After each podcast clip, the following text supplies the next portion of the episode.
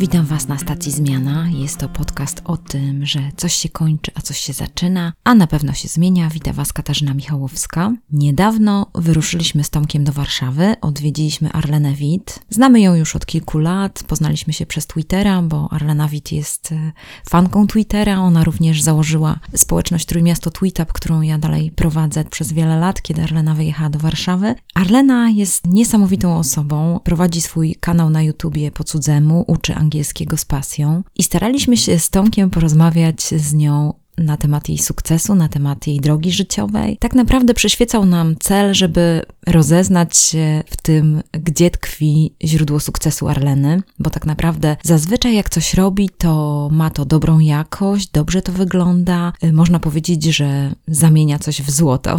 Tak się śmialiśmy z Tomkiem. Na pewno Arlena jest utalentowaną osobą i ma wiele darów, talentów, też umiejętności, dobre wykształcenie, ale z drugiej strony kiedy z nią rozmawialiśmy, to widzieliśmy też, e, że ona jest po prostu pracowita, ma swoją wytrwałość, ma swój upór, robi różne rzeczy przemyślanie i robi je konsekwentnie. Takim wnioskiem z tej rozmowy jest to, że może być tak, że czasami myślimy, że coś tak przychodzi od tak, pyk i już to y, się dzieje. Arlena w swojej rozmowie mówi taką fajną myśl, że jeżeli chcemy mieć coś wartościowego, to zazwyczaj nie przychodzi nam łatwo, bo jeżeli ma to wartość, no to znaczy, że to nie przyszło łatwo. To są bliskie relacje, to jest coś cennego, co robimy, może nasza praca, czy nasze rozwijane umiejętności lub talenty. Sympatyczna rozmowa, dużo, dużo ciekawych myśli i takich pomysłów też Arleny. Arlena dzieli się też swoim podejściem do życia, swoim podejściem do pracy. I tak jak zauważyliście na stacji Zmiana, zapraszamy naprawdę przeróżnych ludzi, dlatego że sami my też jesteśmy różni i niekoniecznie jest tak, że jakiś pomysł na radzenie sobie z pewnymi problemami czy trudnościami będzie pasował do nas, ale w jakiś sposób po pierwsze możemy zostać zainspirowani, a po drugie możemy zrozumieć innych ludzi, którzy są wokół nas, a po trzecie może moglibyśmy spróbować jakoś inaczej podejść do, do rzeczy, które robimy na co dzień. Więc wydaje mi się, że ta rozmowa jest pełna inspiracji i pomysłów i różnego też spojrzenia na różne sprawy. Arlena jest naprawdę mądrą kobietą, z przyjemnością z nią rozmawiałam i słuchałam jej różnych przemyśleń, spostrzeżeń, spostrzeżeń i rad. Zapraszam Was do wysłuchania tej rozmowy i myślę, że sami będziecie zainspirowani i poruszeni. Jeżeli ta rozmowa Was zaciekawi, no to oczywiście polecam, żebyście ją podali dalej. Możecie też napisać do mnie, chętnie przeczytam Wasze myśli, czy to Was jakoś zainspirowało, czy Was poruszyło, czy macie podobnie jak Arlena, czy też w swoim życiu taką podobną może drogę przeszliście, więc polecam, chętnie zawsze pokoresponduję. Mój e-mail to kasiamałpastacjazmiana.pl. Zapraszam do rozmowy.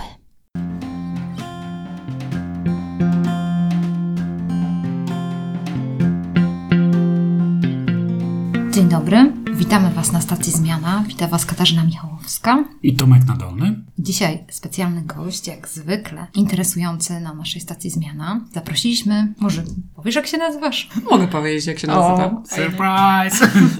Nazywam się Arlena Wit. Dzień dobry i bardzo dziękuję za zaproszenie. Dzień dobry, Arlena. Super by było, gdybyś mogła opowiedzieć coś o sobie, przedstawić się naszym słuchaczom. Wiele ludzi zna Ciebie. Ja nigdy nie zakładam, że ktoś, kto się ze mną styka, wie kim jestem, więc e, uważam, że uprzejmie jest się przedstawić, więc zrobię to. Więc pokażę Wam od razu, jaka jestem uprzejma. Aktualnie jestem youtuberką. Prowadzę na YouTubie kanał, który się nazywa tak jak ja, czyli Arlena Wit, a cykl filmów, który tam jest, e, ma tytuł Po cudzemu. I ja na tych filmach uczę, jak lepiej mówić po angielsku. I staram się to robić tak, jak sama bym chciała, żeby mnie więc tak trochę z przymrużeniem oka, lekko i z humorem i żeby nie było, że ja się tam wymądrzam, to o czym opowiadam ilustruję wstawkami z filmów, seriali i piosenek i wtedy ci, którzy mm, te moje odcinki oglądają, mają wrażenie, że ta wiedza sama im wchodzi do głowy. Taka magia. Magia. Dlaczego my w ogóle myśleliśmy o tym, żeby porozmawiać z Arleną na naszej stacji Zmiana? To nie... No lubimy. No nie no, oczywiście, poza tym, że bardzo ją lubimy i w ogóle, ach, to prawda, to tak sobie myślę, że to nie jest tak w życiu, że nagle nie spotykamy kogoś, tak jak Ciebie, gdzieś odnajdziemy w internetach i zobaczymy, że jesteś kobietą sukcesu. Po prostu masz tyle tam sub subskrybentów, tyle oglądających. Jesteś bardzo szanowana i przez nauczycieli, i przez uczniów, i i myślę, że naprawdę robisz jeden z najlepszych tego rodzaju kanałów w Polsce, to jestem o tym przekonana, ale to nie jest tak, że to od razu tak przychodzi. To nie jest chyba tak, że to tak nagle spłynęło, po prostu wchodzisz, bach, ciach, mach i tutaj tak jest. A wydaje mi się, że tak ludzie myślą, że czasami myślą tak, że, że to po prostu nagle otworzą jakąś szafę i tam znajdą po prostu nowego siebie i nowy ktoś będzie... Albo złote jajko jakieś tam Na przykład. Mhm, zniosą. Nic nie przychodzi łatwo, nic co jest warte czegokolwiek w życiu nie może być łatwe, no bo nie byłoby warte. Moja przygoda z YouTube'em zaczęła się ponad 3 lata temu, wtedy opublikowałam pierwsze filmy, ale to nie była moja pierwsza działalność w internecie. Ja za swoją pierwszą działalność w internecie uważam założenie konta na Twitterze. Wtedy to się stało troszeczkę przypadkiem, bo byłam wtedy freelancerem, szukałam różnych zleceń typu tłumaczenie, jakiś tam copywriting, korekta tekstu i tak dalej. I przez przypadek natrafiłam na taką podstronę na Twitterze, ponieważ Twitter jeszcze wtedy nie miał polskiej wersji. No jeszcze był wtedy, cały serwis był po angielsku. No i oni tam pisali, że właśnie szukają tłumaczy. I ja wiedziałam, że to nie jest żadna praca płatna, ani żadne zlecenie, ale pomyślałam sobie, ej, to fajne, bo ja wiedziałam już, czym Twitter jest, tylko że nie byłam tam aktywna, nie miałam konta, ale pomyślałam sobie, fajne to jest, fajna taka praktyka.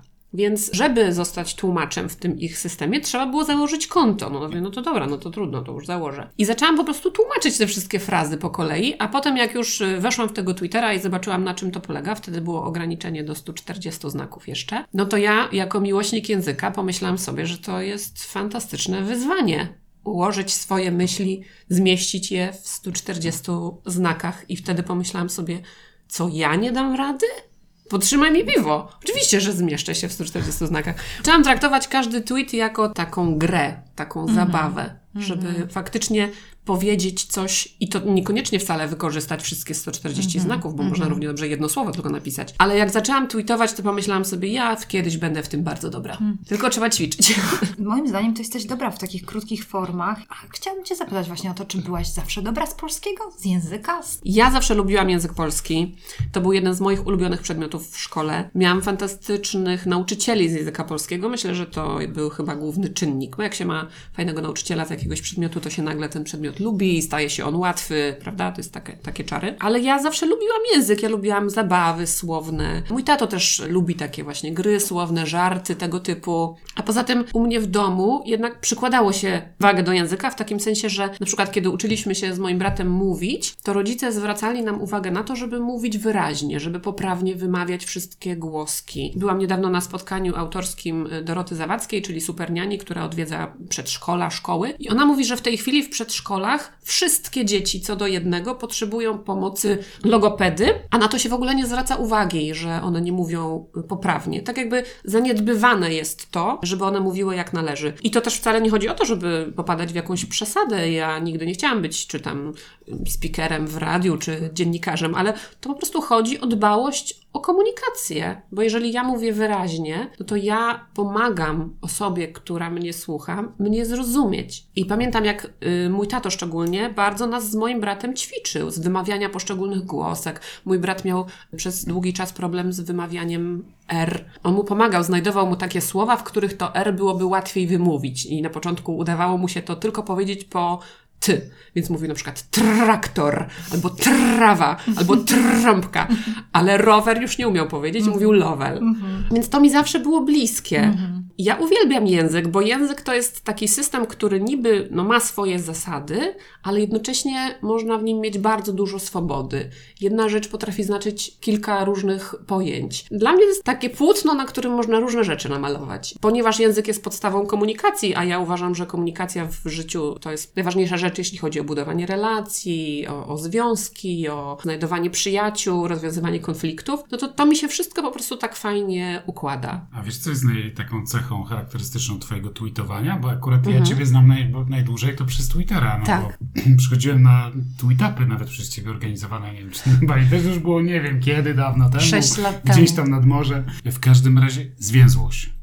Ty masz cecha twoich tweetów, to jest zwięzłość. Nie chcę tutaj gadzić, ale ja na przykład wiem, że grecki ideał mądrości to był taki wypisany na tej świątyni, na której było to hasło poznaj samego siebie Sokratesa.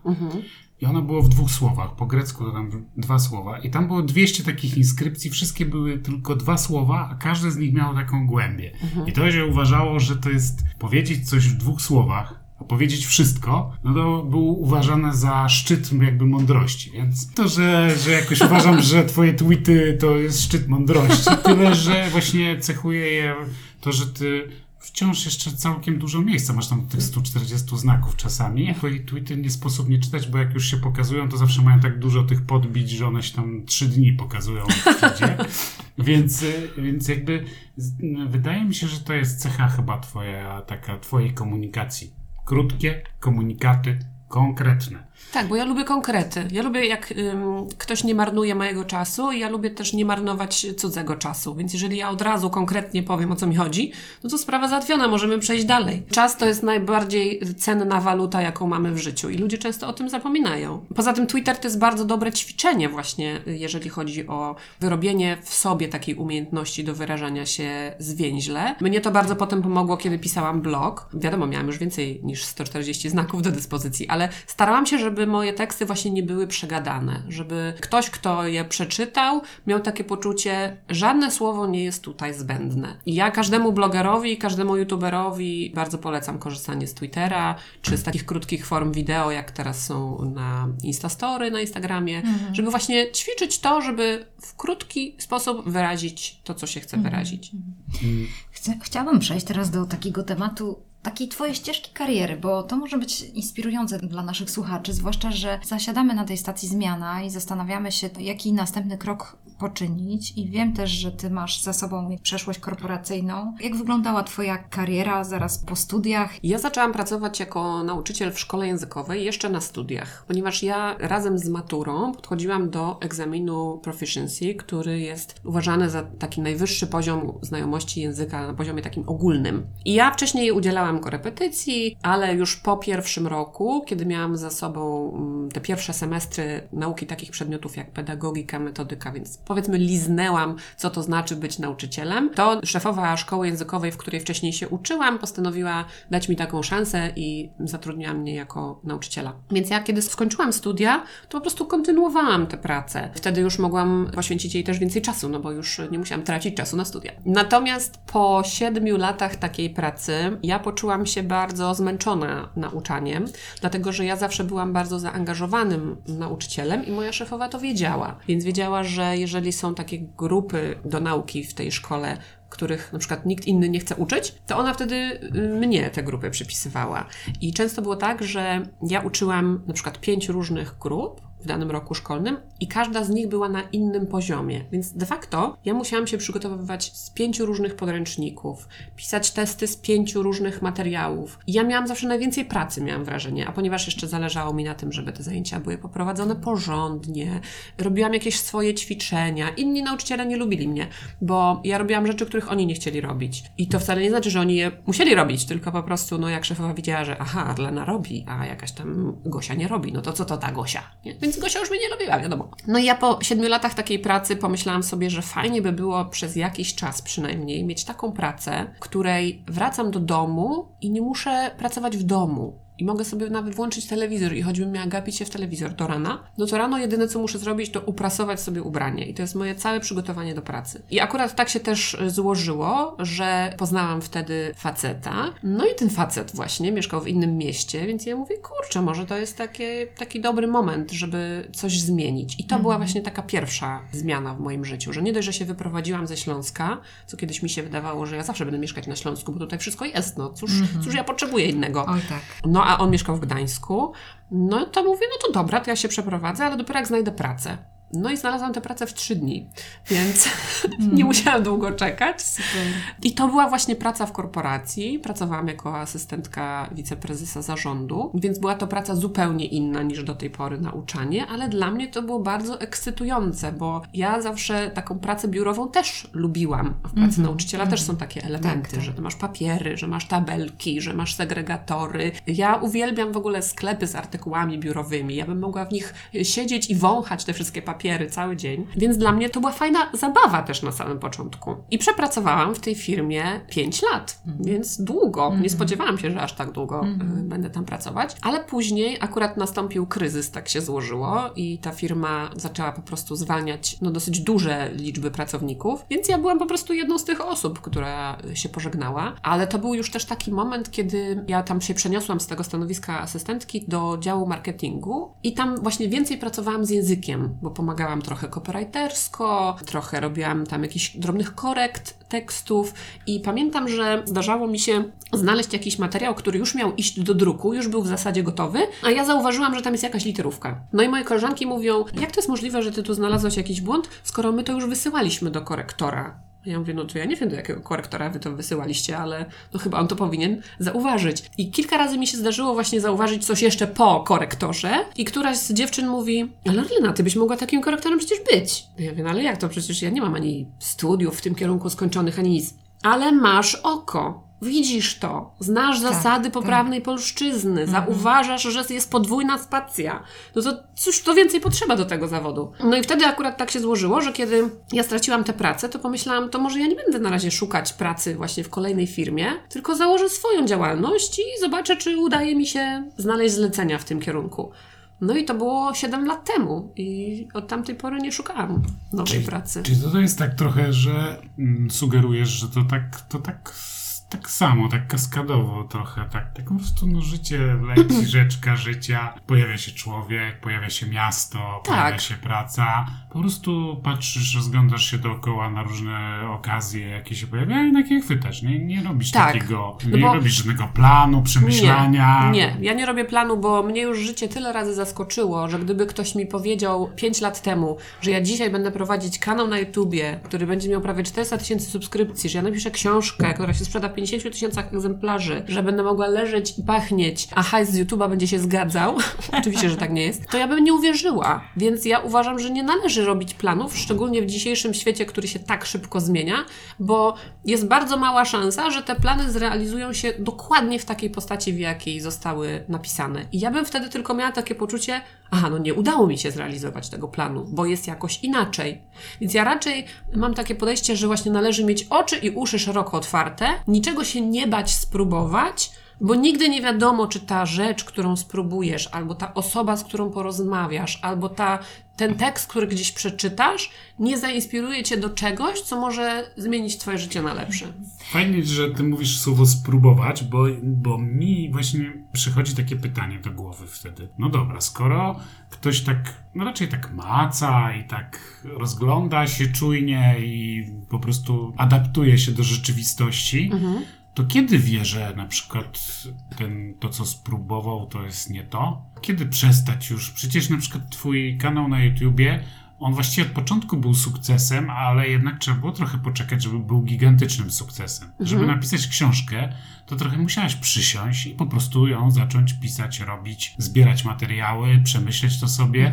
Ym, Być może ludzie myślą, że ty siedzisz sobie przed telewizorem, oglądasz seriale i w tym momencie ci wpadają po prostu pomysły na kolejne odcinki. Czasem tak jest. Czasem tak jest, ale to chyba tak nie do końca e, powstają odcinki. Raczej trochę wykonujesz jednak pracy przy tym e, więcej. Tak, one nie powstają same na pewno.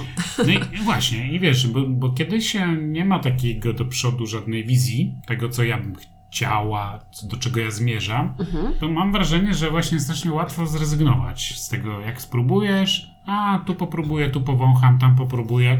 Lata mijają, oni cały czas tu popróbują, tu coś porobią i tak dalej i wciąż nie do końca wiedzą, o co chodzi w tym życiu i mają takie poczucie, że nie robią tego, co powinni, y, nie są zadowoleni i tak dalej.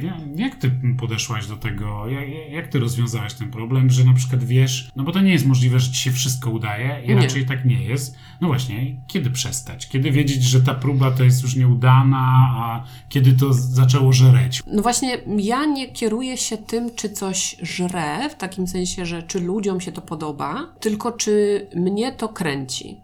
Jeżeli mnie to kręci ja wkładam w to serce i robię to z przyjemnością i nie mam w ogóle poczucia, że pracuję, tylko po prostu robię to, co lubię, to znajdą się tacy ludzie jak ja, którym też się to będzie podobać, których to będzie interesować. I mnie jest wszystko jedno, czy tych osób się znajdzie 10, czy 100, czy 200, czy 1000, czy 100 tysięcy. Bo moim celem nie jest bycie popularnym, ani bogatym, ani rozpoznawalnym na ulicy, tylko moim celem jest to, żeby to, co robię, trafiało do osób, którym to jest potrzebne. Obojętnie ile tych osób jest. I jeżeli robisz coś, co tobie daje radość, co po prostu kochasz, no to to się po prostu czuje. No to tak samo jak jesteś z drugim człowiekiem. No wiesz, czy go kochasz, czy Czy nie. byłabyś youtuberem, gdyby było tylko 100 osób, którym to pomaga? Tak, tak. Znaczy, ja zdaję sobie sprawę, że język angielski to jest temat, który interesuje więcej niż y, na przykład alpaki, bo kiedyś miałam taką prezentację, kiedy opowiadałam właśnie o tym, o tej swojej historii, przygodzie z YouTube'em i podszedł do mnie potem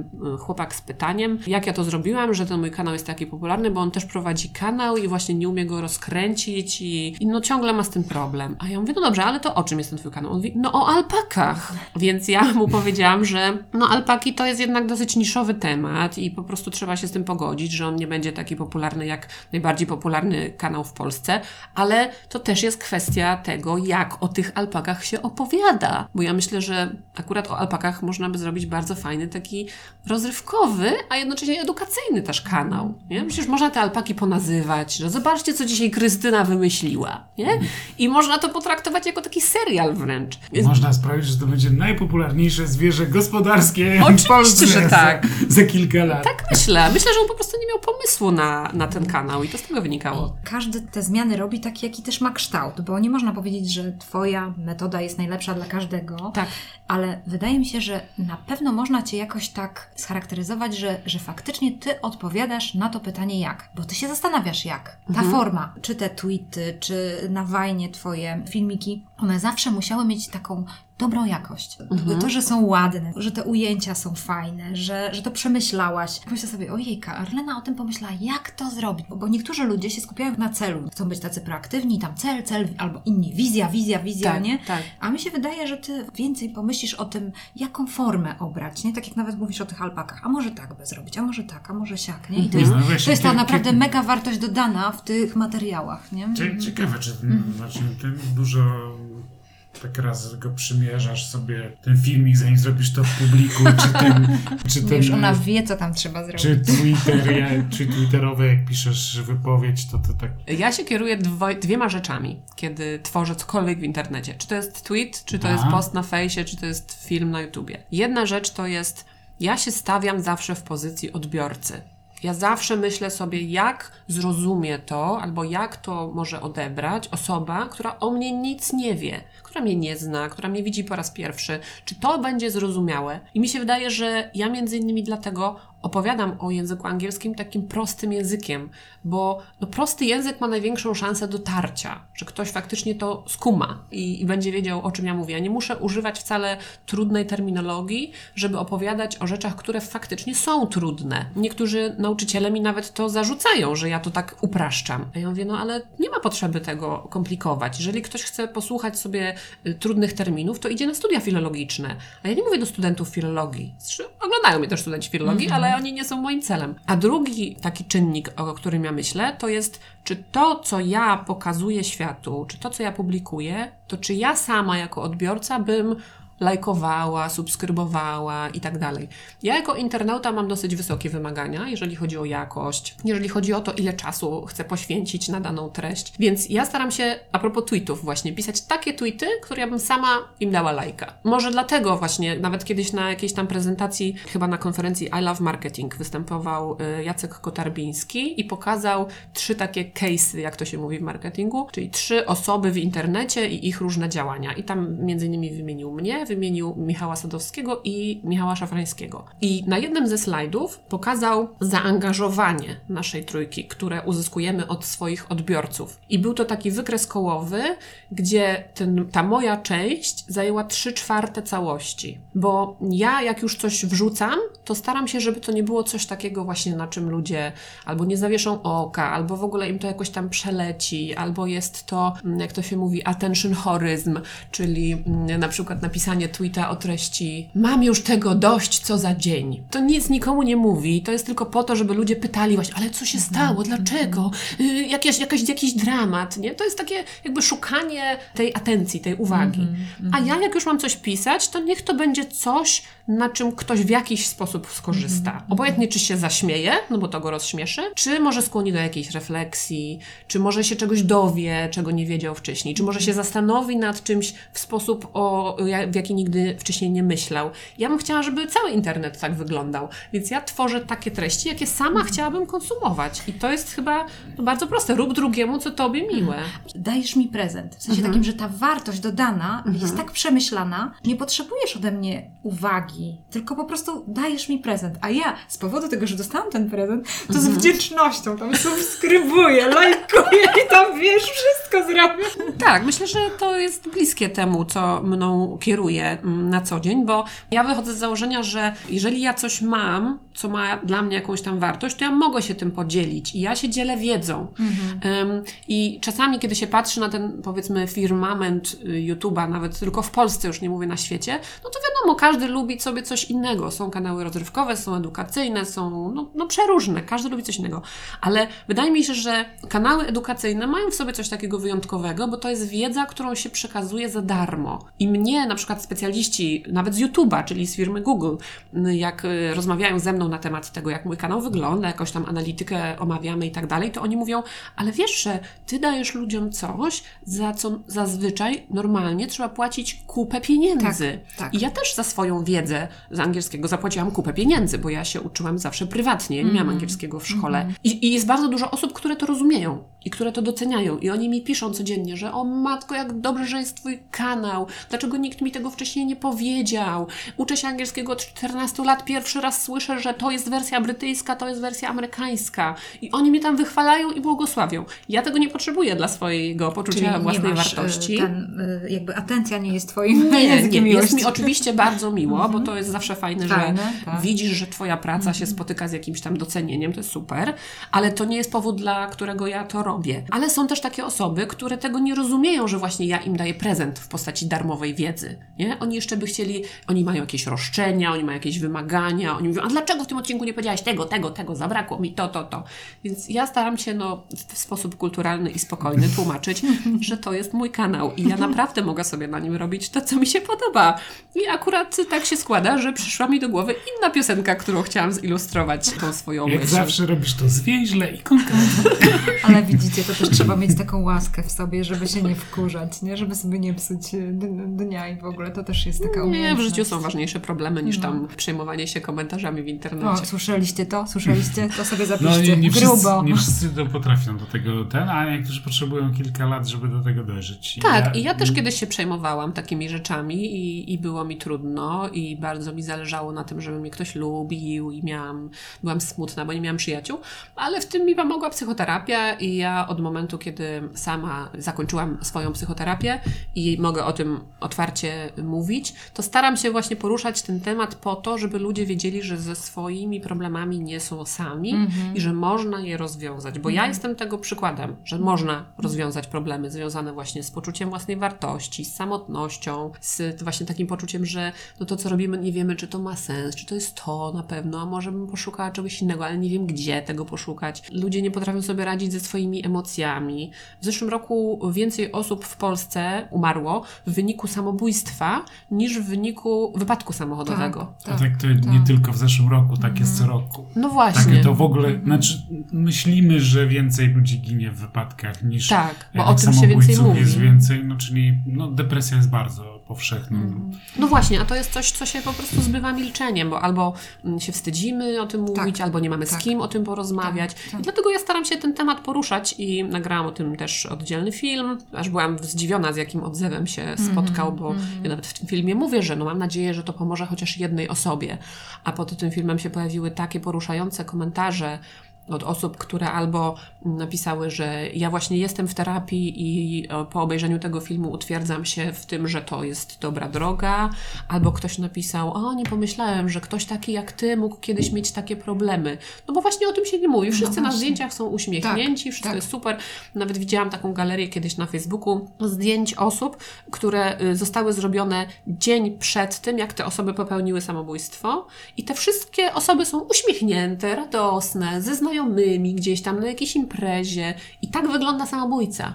Więc dlatego ja podkreślam, warto rozmawiać i warto rozmawiać nie tylko na takie tematy powierzchowne, typu a jak Ci się podobał ten film, tylko właśnie zapytać bliskiej osoby, czy Ty jesteś szczęśliwy, na przykład czy Ty jesteś samotny, a co byś chciał, żeby się zmieniło w Twoim życiu. I w ten sposób można się też wzajemnie wspierać. No dużo masz takiej w sobie życzliwości w stosunku do ludzi, no nie wiem jak to nazwać, nawet to jest bardzo fajne w tobie Arlena, naprawdę to cenię, ale sobie myślę o tym, że to też jest takie fajne, że mówisz o tym, bo to jest tak, takie też twoje małe stacje zmiana, bo to nie jest takie proste zmienić na przykład myślenie o sobie albo wyjść z poczucia takiej osoby, która jest ofiarą do tego, żeby być na przykład proaktywna, to Tak. też jest duża robota, to...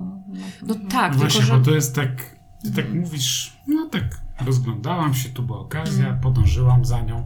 O, moje serce odpowiadało mi, że to jest dobrze, to robię coś fajnego. A tu nagle mówisz, kurczę, zrobiłam kawał konkretnej roboty ze sobą, bo zrobiłam po drodze terapię na przykład. Decyzja o przeprowadzce, no wcale nie jest taka hop według mnie, ale no niech ci będzie, że to tak Nie jest i nie była. Mm, To, to jest, y, ale właśnie, skoro dotknęłaś tematu depresji, to w depresji towarzyszy też taka przede wszystkim niemoc. Mm, Niemoc podjęcia pewnych wyzwań i dokończenia rzeczy. Najchętniej człowiek zostaje wtedy w łóżku. Generalnie porzuca też różne na przykład trudne zadania, ucieczka od różnych problemów i tak dalej. No właśnie, i mam pytanie takie, bo mimo wszystko nie udzieliłaś mi odpowiedzi, co ty robisz z tym, co ci się nie udaje? Czyli jakby Aha. wiesz, jakby, jakby się tobie przyglądać w internecie, to się po prostu wszystko udaje. Wszystko się zamienia w złoto.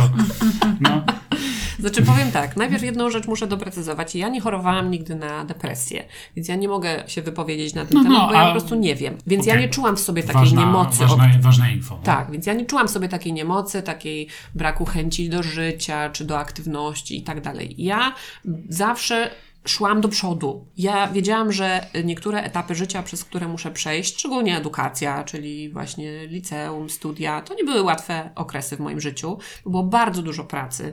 Ja dojeżdżałam na y, uczelnię codziennie. Półtorej godziny w jedną stronę jechałam pociągiem. Zdarzało się, że pociąg nie przyjechał, więc czekałam 40 minut na mrozie na peronie, żeby przyjechał następny. Zdarzało się, że przyjechałam na uczelnię po wstaniu o 5.20 i zobaczyłam kartkę, bo wtedy jeszcze nie było internetu, że dzisiaj są godziny rektorskie, mili studenci, i zajęcia są odwołane. I teraz Jak mogliście o tym nie wiedzieć? tak, no i fajnie, że mogę sobie wracać do domu, ale po co ja wstałam o tej 5.20, nie? I po co ja założyłam tą kurtkę i ten szalik i przyjechałam tutaj. Więc ja po prostu miałam takie poczucie, ja to muszę zrobić. To jest po prostu taki etap w życiu w tym momencie. On nie jest łatwy, ale to muszę zakończyć, a potem będzie coś lepszego. I nie umiem nawet wymienić takiej rzeczy, która mi się nie udała, dlatego że ja się nie skupiam na rzeczach, które mi nie wyszły. Ja w ogóle nie zauważam w swoim życiu czegoś takiego jak porażki, bo ja wychodzę z założenia, że ja jestem naukowcem i ja robię eksperymenty.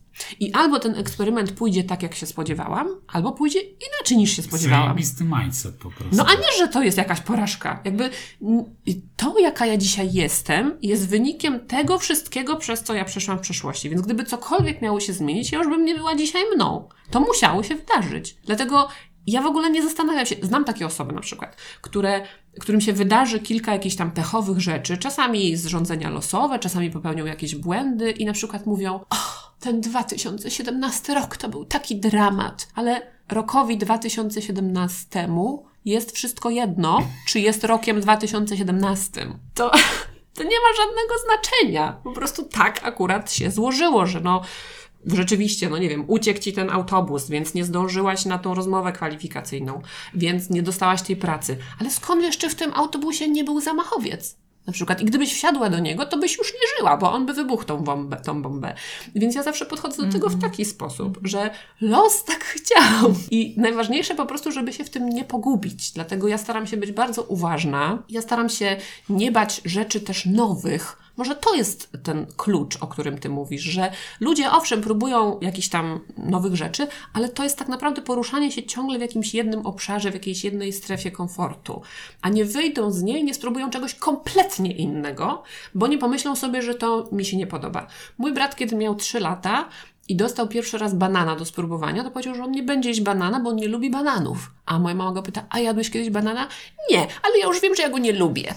Więc ja właśnie dokładnie tego mojego trzyletniego brata widzę w tych wszystkich ludziach, którzy mówią, że nie, nie, to nie jest fajne, a nawet tego nigdy nie spróbowali. Mhm. Chociaż spróbuj, no może się okazać, że lukrecja to jest twój ulubiony smak lodów. Skąd wiesz, że nie? Czyli zachęcasz do próbowania. No ciekawe właśnie podejście do zmiany, żeby w zmianie popróbować trochę, poeksplorować. Chociaż to, co mówisz, to jest takie klasyczne dla tego rozwoju y, między 20 a 25, bo tam jest taki okres eksploracji, ale jak widzę, ty jesteś ciągle młoda duchem i ciągle jednak chcesz próbować i to jest fajne, bo to też nas zachęca do tego, żeby, żeby właśnie tak jak mówisz, nie, nie bać się, nie? Żeby Znaczy ja po prostu Mhm. traktuję życie jako serię przygód. Mhm. Nie? I te przygody, przygody mogą być różne. No, czasami się zdarzy, że musisz czasami popłakać po to, żeby docenić te chwile, które są szczęśliwe. Mm. Nie? Jakbyśmy się cały czas cieszyli, to nie umielibyśmy tego docenić, no bo nie wiedzielibyśmy, co to znaczy brak tego szczęścia. I więc ja nawet czasami tak opowiadam o jakichś różnych swoich przygodach, jak ja to nazywam, na Instastory najczęściej,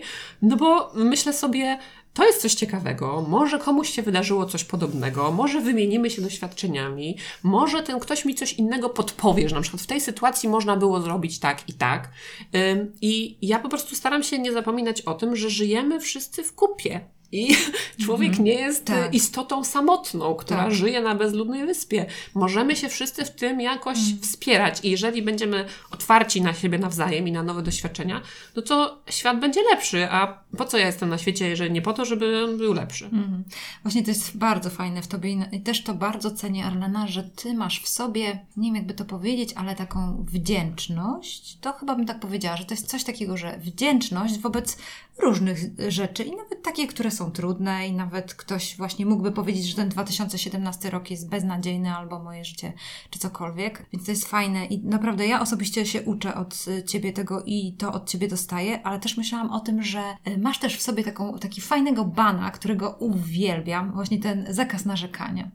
Że po prostu to jest takie fajne, nie? Y, I czasami właśnie tak jak przy tobie i tak sobie, tak bym chciała tak sobie ponarzekać, a myślę sobie, no nie, nie, nie narzekajmy, no i po co, no i co to nam da, nie? Że teraz będziemy tak No właśnie, nie wiem po co. Ja no po właśnie. prostu nie nie, wiem że po ten co. cel, nie? Że Tak. Bo co innego, jeżeli mówisz o jakimś No. swoim problemie Tak, osobie, która może go tak. rozwiązać, nie? I liczysz na pomoc, no to Mhm. tak, to rozumiem. Ale jeżeli narzekać dla samego narzekania, no to to jest tylko wysyłanie negatywnej energii w Mhm, świat. Już lepiej się zastanowić nad, dwu, nad dwoma rzeczami. Pierwsza, czy to jest coś, co ja mogę zmienić? Jeżeli nie, no to po co narzekać, bo i tak nie masz na No to wpływu. właśnie, tak. A jeżeli możesz to zmienić, to to zmień. Mhm, mhm. Więc też nie narzekaj. Tak, tak. I to jest super, to jest super tip, bo ostatnio właśnie Tomek mówił trochę o tym, żeby, żeby przestać kłamać. Bo ludzie to robią Ale na... tak radykalnie. Radykalnie, wiesz, bo nie, żeby- ludzie Mhm, drobne rzeczy mówią, na przykład, że nie mam mnie w domu albo coś tam, Tak. a Mhm. po paru latach nie zdają sobie sprawy, że wszyscy już są okłamani co do wszystkiego Mhm. dookoła i że ciężko z tego Mhm. wybrnąć. Tak, i więc to jest też jakiś Tak, rodzaj, to mi się kojarzy, że to jest taki rodzaj decyzji i podobnie jest tak samo z narzekaniem, że to też jest jakaś decyzja, bo to, to nam coś daje, tak jak mówisz, może to jest też wynik atencji, że, że się pragnie tej atencji, że teraz sobie ponarzekam, tak jak z tymi lajkami, rozumiesz, tak, ponarzekam, ponarzekam, a wszyscy będą później mnie głaskać, nie, tak jak te lajki, nie, że to też jest takie pragnienie atencji, nie, że Znaczy mi się wydaje, że narzekanie może mieć taką funkcję terapeutyczną, w takim sensie, że jednak wyrzucamy z siebie negatywne emocje. Mhm. Tylko, że te negatywne emocje można ym, wyrzucić w sposób, który nikogo innego nie Tak, krzywdzi, tak. albo nikogo nie zaraża tą negatywną Mhm. energią. Na przykład można pójść pobiegać, albo można pójść uderzyć pięścią w poduszkę, Mhm. albo y, pój- w, krzyknąć w lesie na całe gardło. Albo popłakać w aucie, ja tak często robię. Tak, tak, że na to są sposoby, a Tak. właśnie narzekanie dla mnie to jest takie palenie papierosów w miejscu publicznym, że nie dość, że siebie trujesz, to jeszcze innych trujesz. Mhm, no, I niestety, jak już się nauczysz w ten sposób podchodzić do problemów, że narzekasz, to to ci wchodzi w krew i tak już na stałe Tak, taka zna ta mhm, płyta. Ale ja mam dla ciebie z kolei tipa. Będziesz szukała sposobu na kolejny jakiś kanał w social mediach typu YouTube czy coś takiego, to ty nagraj o stoickim spokoju i o byciu stoikiem w świecie współczesnym, czyli takim polskim Ryanem, Ho- Ryan on się Holiday. Jest w każdym razie taki popularyzator na uwspółcześnionej wersji stoicyzmu. Stoicyzmu, mhm. Arlena, ty jesteś po prostu żywym, żywym mm, przykładem tego, jak, jak to, bo to dokładnie są, do, dokładnie jak wcielasz w życie ideały tej filozofii, Tak. w której właśnie tak, no, nie ma czegoś takiego jak nieudane rzeczy, jest tylko podejście do tego. E, Nie, nie ma smutku, to jest tylko po prostu podejście, że ty się e, tak naprawdę mógł, mogłoby go nie być, tylko zmień podejście, że tak naprawdę właściwie wszystko możesz w ten sposób do tego podejść, mindsetem możesz załatwić właściwie wszystko, więc ty jesteś po prostu w najlepszym z możliwych światów, w najlepszym z możliwych momentów. Ja jestem szczęśliwym człowiekiem. I to mm, jakby nastąpiło we mnie, bo to też tak nie było, bo wszyscy się rodzimy szczęśliwi. Tylko potem spotykamy na swojej drodze różne demony. Czasami to są tylko dwa demony, matka i ojciec, a czasami to są różne inne. Ja jestem szczęśliwym człowiekiem na skutek terapii i na skutek tego, że ja się na tej terapii nauczyłam o sobie, nauczyłam się patrzeć na siebie w sposób obiektywny. Kiedyś miałam kompleksy, wydawało mi się, że jestem jakaś. A okazało się, że inne osoby wcale mnie nie, tak nie postrzegają. Miałam na przykład kompleks taki, że miałam krzywe zęby i bardzo mi to utrudniało życie, bo na przykład y, kiedyś mi się marzyło o tym, żeby śpiewać, no ale jak śpiewasz, no to otwierasz buzię i widać zęby, nie? No to ja mówię, ja nie mogę śpiewać, bo ludzie zobaczą moje krzywe zęby. Ale pomyślałam sobie w pewnym momencie życia, już jako dorosły człowiek, że przecież zęby można wyprostować. To nie jest coś takiego, z czym ja muszę żyć do końca życia, nie? Więc ja Też poszłam... pamiętaj, że dopiero w okresie naszej dorosłości to tak weszło szerzej, te aparaty i tak dalej. One Ale były my- kiedyś niedostępne. Ja wiem, no to znaczy, ja miałam kolegę w liceum, który nosił y, stały aparat na zębach, tylko że wtedy to była rzecz bardzo droga i dla moich No, rodziców no, niedostępna, więc no nie dziwię się, że po prostu nie mogli mi zafundować y, takiego leczenia ortodontycznego. Ale jako dorosła osoba już wiedziałam, że mogę sobie sama po prostu za to zapłacić i pomyślałam, dlaczego ja dopiero dzisiaj na to wpadłam? Dlaczego ja nie pomyślałam o tym 10 lat temu? Dlaczego ja, kiedy zaczęłam pracę zawodową, nie wzięłam choćby pożyczki na ten aparat ortodontyczny? Przecież co to tam, no ile na to wydałam łącznie na leczenie? Z 15 tysięcy złotych? No to to nie jest jakaś duża pożyczka. Ja mówię, dlaczego ja dopiero po 30 na to wpadłam? Bo mamy w głowie takie utrwalone jakieś mity i żyjemy z tymi mitami i wydaje nam się, że tak musi być. Znam taką historię, jak córka pyta mamy, mamo, dlaczego ty zanim włożysz szynkę do tego pojemnika, to obcinasz jej y, tą dupkę? Ona mówi, bo moja mama zawsze tak robiła. To zapytaj babci. No to ona pyta tej babci, babciu, dlaczego ty zanim włożysz tą szynkę do tego pojemnika, to obcinasz jej tą dupkę? No bo moja mama zawsze tak robiła. To zapytaj prababci. "E, Prababciu, dlaczego ty zanim włożysz tą szynkę do pojemnika, to obcinasz jej tą dupkę? Ona mówi, bo mam taki mały pojemnik. Nie zastanowisz się nawet, dlaczego tak jest. Po prostu powielasz to.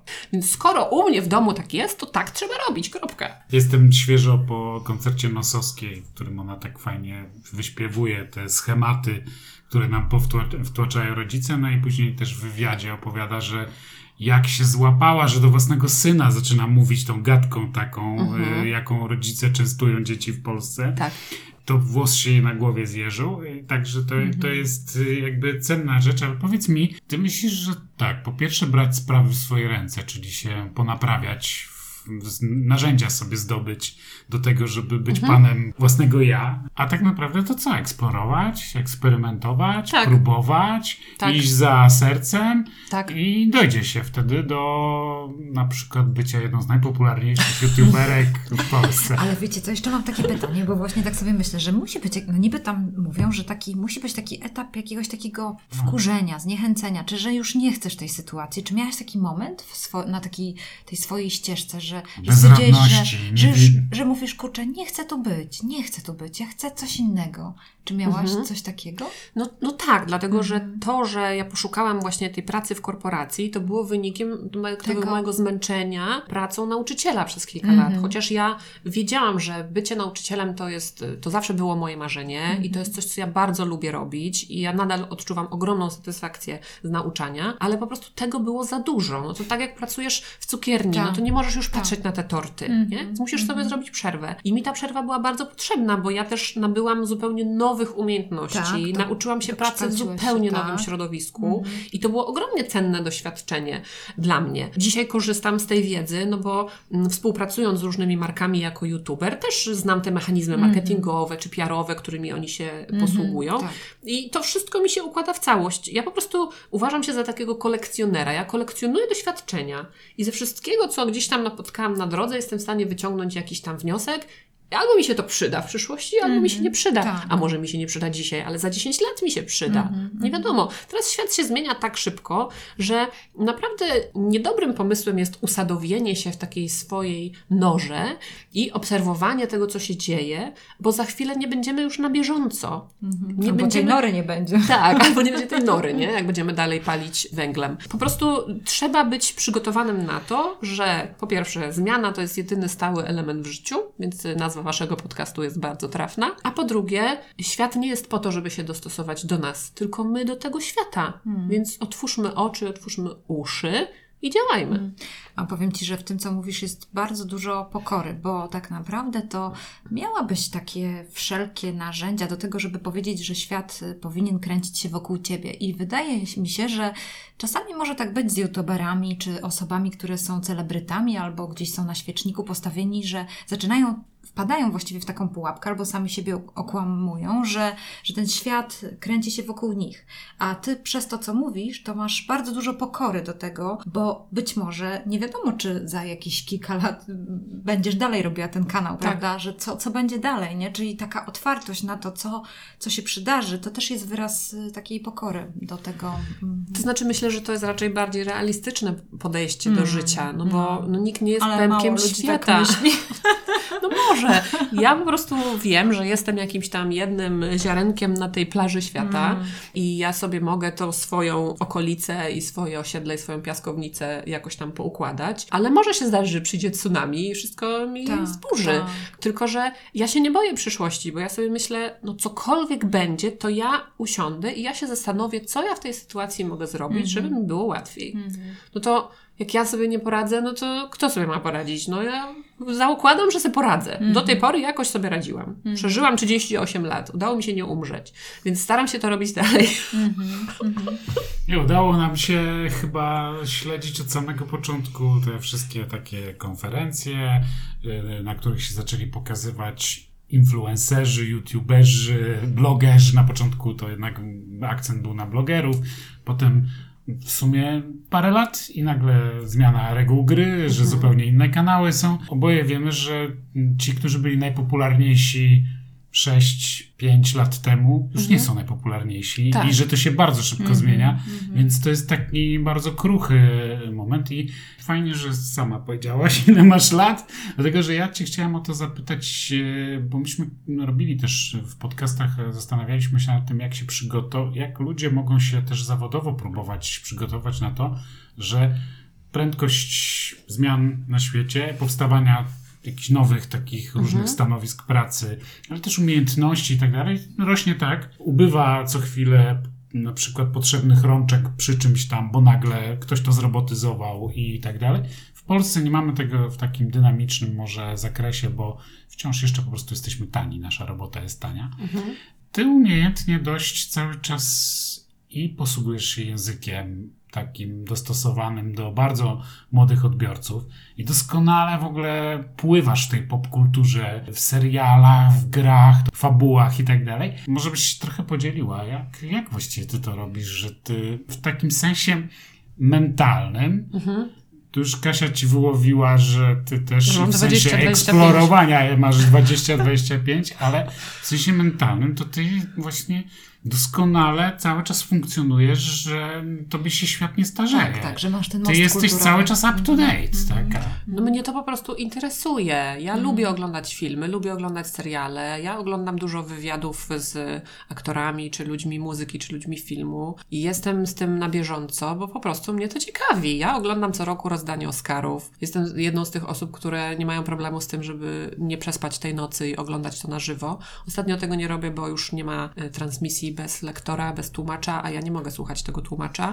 Ja bym chciała posłuchać, co mówi pan na scenie, a nie pan, który się stresuje i szybko, szybko i pomija jeszcze cztery żarty po drodze. Więc ja wolę poczekać do następnego dnia i obejrzeć sobie transmisję, ale jednak w wersji oryginalnej. Jest to coś, co mnie jara, więc y, jeżeli są inni ludzie, których to jara też, no to ja z nimi mam jakąś tam nić porozumienia, ale są też tacy wśród moich odbiorców, którym jest to zupełnie obce, którzy właśnie nie oglądają tych seriali, nie oglądają tych filmów i nie słuchają tej muzyki, tylko że ja staram się to w taki sposób wkomponowywać w swoje filmy, że jeżeli ktoś to zna, to dostrzeże jakiś tam smaczek, albo na przykład skojarzy z jakiego to jest serialu, czy z jakiej sceny, czy co tam było w tym odcinku, ale jeżeli ktoś tego nie zna, to nie poczuje, że cokolwiek go omija. Więc ja staram się być inkluzywna, czyli jeżeli trzeba coś wyjaśnić, to ja to wyjaśniam, a jeżeli nie trzeba, no to przynajmniej ktoś, kto to pominął, to nie pomyśli sobie, o, nie wiem o co chodzi. Jest tak Szczerze jak... mówiąc, jak się czyta komentarze u ciebie na, pod filmami, to mm, ty masz, utworzyłaś własną bańkę Arleny. W sensie takim, Tak. że są ludzie, którzy doskonale rozumieją twój już kod tych twoich, oni prawdopodobnie też nawet już no, oglądają te same filmy i tak dalej. Być może dla nich, bo jesteś ty przewodnikiem, że im podsuwasz pomysły na oglądanie fajnych rzeczy. To też ale, mi piszą. Ale to tworzy się taka osobna bańka ludzi, którzy świetnie rozumieją cały twój kod. I ja na przykład słuchając tylko co któryś i nie będąc w ogóle serialowy, Mhm. na pewno tracę tam sporo kontentu z tego wszystkiego, bo go nie rozumiem często. Ale tracisz może takich, wiesz, ciekawostek, takich smaczków, ale nie tracisz zupełnie tej wiedzy. Czyli tego, co jest y, jakby tą esencją treści, którą ja tworzę. Prawdopodobnie, ale to jest, Tak. wiesz, to jest też e, ogromny sukces stworzyć taki swój kulturowy, mały świat, w którym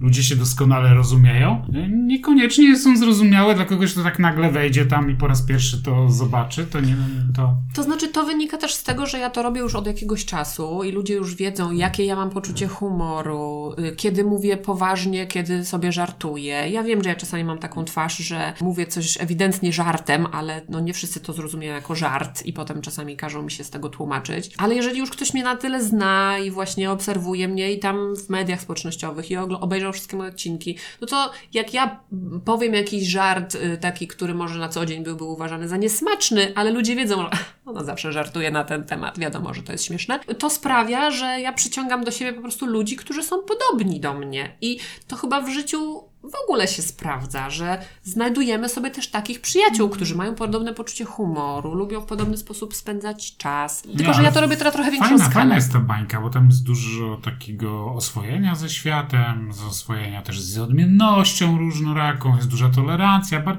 bardzo mi się ten świat podoba, ale powiedz mi, e, także ta bańka jest bardzo przyjemna. A, a powiesz co w przyszłości? W przyszłości, co będzie, to czas pokaże.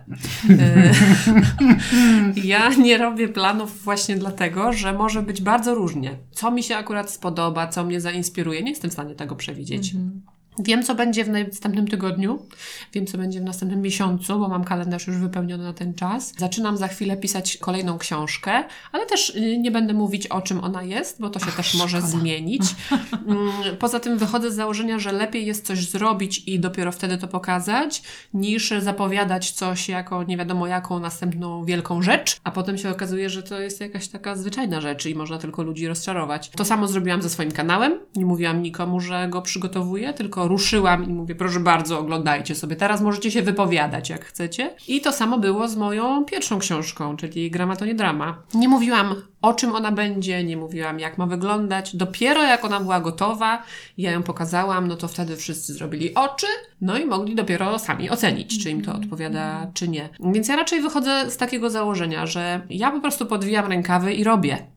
I jak coś zrobię, to pokażę. A i ty tak, ale nie, no przecież jest cały zespół na pewno ludzi, którzy ci w trakcie jakoś kibicuje, pomaga, których pytasz, czy to im się podoba, czy nie i tak dalej, nie? Tak nie jest? Czy ty tak Już, wszystko to znaczy, no nie chcę sama, właśnie sama, też... sama, sama. Nie chcę sobie też przypisywać oczywiście wszystkich swoich zasług, bo wiadomo, że nad moją książką pracował cały zespół osób, ale to ja jestem autorką każdego słowa, które w niej się znajduje i to ja podejmowałam ostateczne decyzje y, co do nawet tego, jaki duży odstęp ma być w tym zdaniu, żeby się zmieściło to, co trzeba wpisać w tą lukę. Ale oczywiście nie byłam jedyną osobą, która nad nią pracowała. Natomiast jeśli chodzi chodzi o kanał, no to ja w tej chwili tylko jednej rzeczy nie robię sama. Nie miksuję dźwięku. Bo to jest coś, czego ja nie umiem robić. To jest coś, co zlecam na zewnątrz, ale wszystko inne robię sama. I sama wymyślam temat, sama go opracowuję, sama nagrywam, sama montuję i sama publikuję i sama prowadzę swoje media społecznościowe, bo też lubię to robić. No i uważam, że skoro się podpisuję swoim imieniem i nazwiskiem, myślę, że nie wypadałoby mi udawać, że to ja, a nie byłabym to tak naprawdę ja. Więc ja to nadal robię. I kiedy ruszałam z kanałem, to rzeczywiście zapytałam paru osób, które są mi bliskie i których zdanie cenię na temat tego właśnie, jak im się to podoba. To byli też doświadczeni youtuberzy, więc no wiedzieli, jak na to spojrzeć z takiej powiedzmy profesjonalnej strony. Ale bywały takie wskazówki, które mi dawali, które ja zupełnie świadomie zignorowałam, bo pomyślałam sobie, że nie, że ja to chcę zrobić po swojemu. E, Jeżeli to się okaże błędem, no to trudno, ale to będzie mój błąd. Tak było na przykład z momentem wystartowania z moim kanałem, bo ja nad tymi pierwszymi filmami łącznie pracowałam półtora roku. Czyli od momentu, kiedy ta pierwsza myśl mi zaświtała, że chciałabym kiedyś mieć kanał, do momentu, kiedy opublikowałam pierwsze trzy filmy, minęło półtora roku. I w tym czasie się działo dużo różnych rzeczy. Zastanawiałam się, jak to ma się nazywać, zastanawiałam się, szukałam muzyki, która by tam pasowała, myślałam nad tym formatem, szukałam fontu. No to wszystko tak się zbierało do kupy. Kiedy już po tym czasie ja miałam gotowe te pierwsze trzy filmy, no to ja już nie mogłam się doczekać, żeby ich wypuścić, bo to już po prostu za długo byłam w tej ciąży. Ja już musiałam to wreszcie urodzić. I mm, znajomy youtuber właśnie powiedział mi, ale słuchaj, no jak ty chcesz z kanałem edukacyjnym wystartować w wakacje, no to przecież w ogóle tego nikt nie będzie oglądał.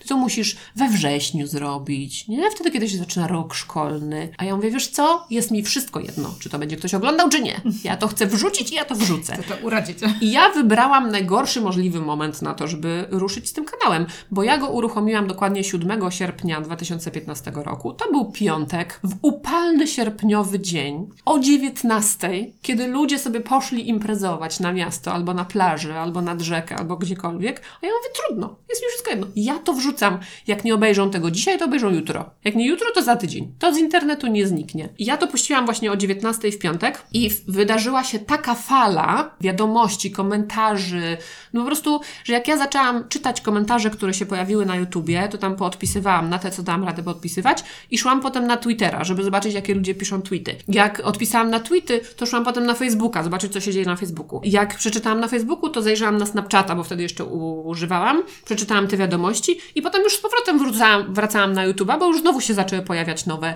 komentarze. I ja tak siedziałam od tej 19, o której opublikowałam filmy, do drugiej w nocy. Non stop. Czytałam i odpowiadałam na te wiadomości. Czyli to nie miało znaczenia, że to było Tak, akurat tak, latem i w tak, piątek tak, i o 19. tak, tak. Jeżeli ludzie chcą do tego dotrzeć, to dotrą. Byłem jeden z tych, którzy też coś tam pisał, że ła, fajnie w ogóle, i fajosko. A ile to godzin zajmuje ci dziennie? To jest pół etatu? To jest cały etat? Takie bycie youtuberem, Bycie youtuberem? z prowadzeniem całego swojego marketingu, z całym social mediami, komentarzami. No gdybym to miała uśrednić, bo nie jestem w stanie tego obliczyć, nie, nie mierzę tego, ale gdybym to miała uśrednić, to myślę, że tak, że pół etatu można by to nazwać. No bo ja czytanie komentarzy też traktuję jako część tej działalności. Czy odpisywanie na maile od konkretnego widza, który ma konkretny problem. Czy w ogóle prowadzenie swojego konta jakiegoś tam w medium społecznościowym. To wszystko się na to składa. To nie jest samo nagranie odcinka. Tak chciałam też zwrócić uwagę tutaj na to, co powiedziałaś. Półtorej roku, kupa czasu i nie każdy jest gotowy na to, żeby dać taką wytrwałość i taką pracowitość, więc na pewno to jest Twoja wartość, Twój kształt, że naprawdę jesteś pracowita. To bez dwóch zdań. Znaczy, myślę, że to raczej wynika z tego, jak ja lubię pracować. Bo ja, zanim coś powiem, lubię się nad tym zastanowić. Tak. I ja po prostu przez te półtora roku się zastanawiałam. Bo wychodzę z założenia, że jeżeli należy wykonać jakiś projekt, to lepiej spędzić 80% czasu na myśleniu nad tym, jak to ma być, a tylko 20% na robieniu.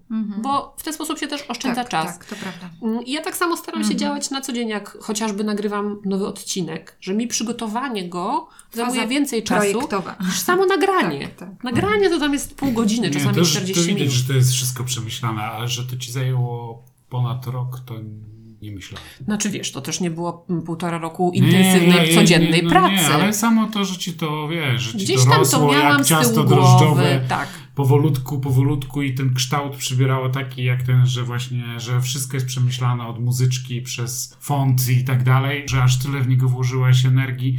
Samo to, że to ci chodzi po głowie, to już jest energia. Tak, to- tak. Tak, tak. Mi się To też nie śpieszyło, bo ja wiedziałam, że ja wolę poczekać i zrobić to tak, jakbym chciała, niż żeby to było zrobione za szybko i miałabym potem czegoś żałować, coś bym musiała zmieniać nagle i tak dalej. Ja to zrobiłam wbrew ówcześnie panującym jakimś zasadom niepisanym, bo wtedy raczej robiło się tak, że robię tak, jak teraz umiem i tak, jak wiem, a potem to tam i tak, będzie się zmieniać, wiadomo. Więc jak ja opublikowałam te swoje pierwsze y, filmy, to było parę osób takich bardzo podejrzliwych. Że to. Jakaś to, agencja Tak, to to jest jakaś agencja, Mhm. albo jakaś firma za tym stoi, bo to jest za dobrze zrobione jak na początek. Tak. Nie powinien pierwszy film tak wyglądać. I dzisiaj, jak ja oglądam te swoje pierwsze filmy, to ja już bym je dziś zrobiła inaczej, bo ja też zmieniłam się w tym czasie, zmieniłam tę- tę formułę troszeczkę. Ja inaczej nawet mówię, inaczej się poruszam przed kamerą, ale no, to musiało naturalnie wyewoluować, więc jakieś tam zmiany zauważalne są, ale jednak ta formuła ogółem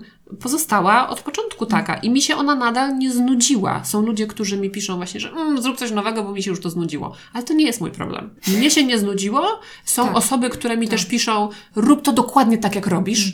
No to ja nie mogę nikogo słuchać, bo mi mówią dwie zupełnie przeciwne rzeczy. Więc ja nadal będę robić tak, jak Tak uważam. jak uważasz. E, Ponieważ już będziemy lądowali z naszą rozmową, to mam ostatnie pytanie. Powiedz mi, czy masz jakiś patent na wytrwałość? Jesteś taka wytrwała w tym, co robisz. Oprócz tego, co powiedziałaś, że, że na pewno to ta pasja cię nakręca, bo to na pewno jest coś takiego, że jednak czujesz jednak tą energię, nie? I wtedy Mhm. pewnie podejrzewam, że dajesz, że chcesz dawać z siebie. Czy coś jest jeszcze, co, co cię zachęca? Plan też, bo pewnie w tym małym zakresie też robisz plan, bo masz gdzieś tam, na przykład wyjeżdżasz na jakąś konferencję, to widać wyraźnie, że wtedy ty tam gdzieś już te wcześniej nagrałaś te odcinki, czyli masz w Tak, głowie. tak, nie? tak, Mhm. jakiś tam krótkoterminowy. Ja staram się jakiejś strategii na siebie nie pisać, nie? Mhm. Takiej na, na kolejne lata, ale no, no plan na najbliższe powiedzmy dwa miesiące to, To zwykle mam. Myślę, że tutaj kluczowe jest dostrzeganie sensu tego, co się robi. Jeżeli to, co robisz w Twoim odczuciu ma sens, obojętnie w jakim wymiarze, czy czujesz, że pomagasz innym, czy czujesz, że się rozwijasz w jakiś sposób, czy po prostu sprawia ci to przyjemność, czy czujesz, że naprawiasz świat w ten sposób. Ja mam taką misję. Ja chcę naprawiać świat. Więc ja wiem, że z każdym odcinkiem świat jakiejś tam jednej osoby, która zacznie poprawnie mówić po angielsku, się poprawi. Ja nie muszę naprawić całego świata. Zresztą to się tak nie da jednym filmem naprawić cały świat. Ale ja wiem, że jakiś tam element się poprawi. To, że ja kupię szklaną butelkę, a nie plastikową, to już sprawi, że świat będzie czystszy, nie? bo będzie mniej śmieci. Więc ja raczej myślę sobie w ten sposób, małymi kroczkami. I dopóki cały czas ja widzę, że to ma sens, no to ja to ciągle robię. A jeżeli bym zauważyła, że to przestaje mieć sens, to po prostu zajęłabym się czymś innym, więc znowu spróbowałabym czegoś, Czegoś nowego. nowego. Dobrze, będziemy kończyli. Bardzo Ci dziękuję. Dziękuję Ci przede wszystkim za to, że mogliśmy lepiej poznać Ciebie, bo myślę sobie, że, czas, że ktoś może wejść na Twój kanał i zobaczyć doskonałą panią nauczycielkę, która w doskonały sposób uczy języka angielskiego. A to jest naprawdę super, że otwierasz się, mówisz o sobie, mówisz o tym procesie też tworzenia tych materiałów i o sobie samej. I to jest naprawdę, wydaje mi się, że to jest najcenniejsze. Poznać Ciebie taką, jaka jesteś po prostu. Dziękuję bardzo za zaproszenie. Cieszę się, że można z Wami porozmawiać na ważne tematy. Dzięki bardzo. Dzięki.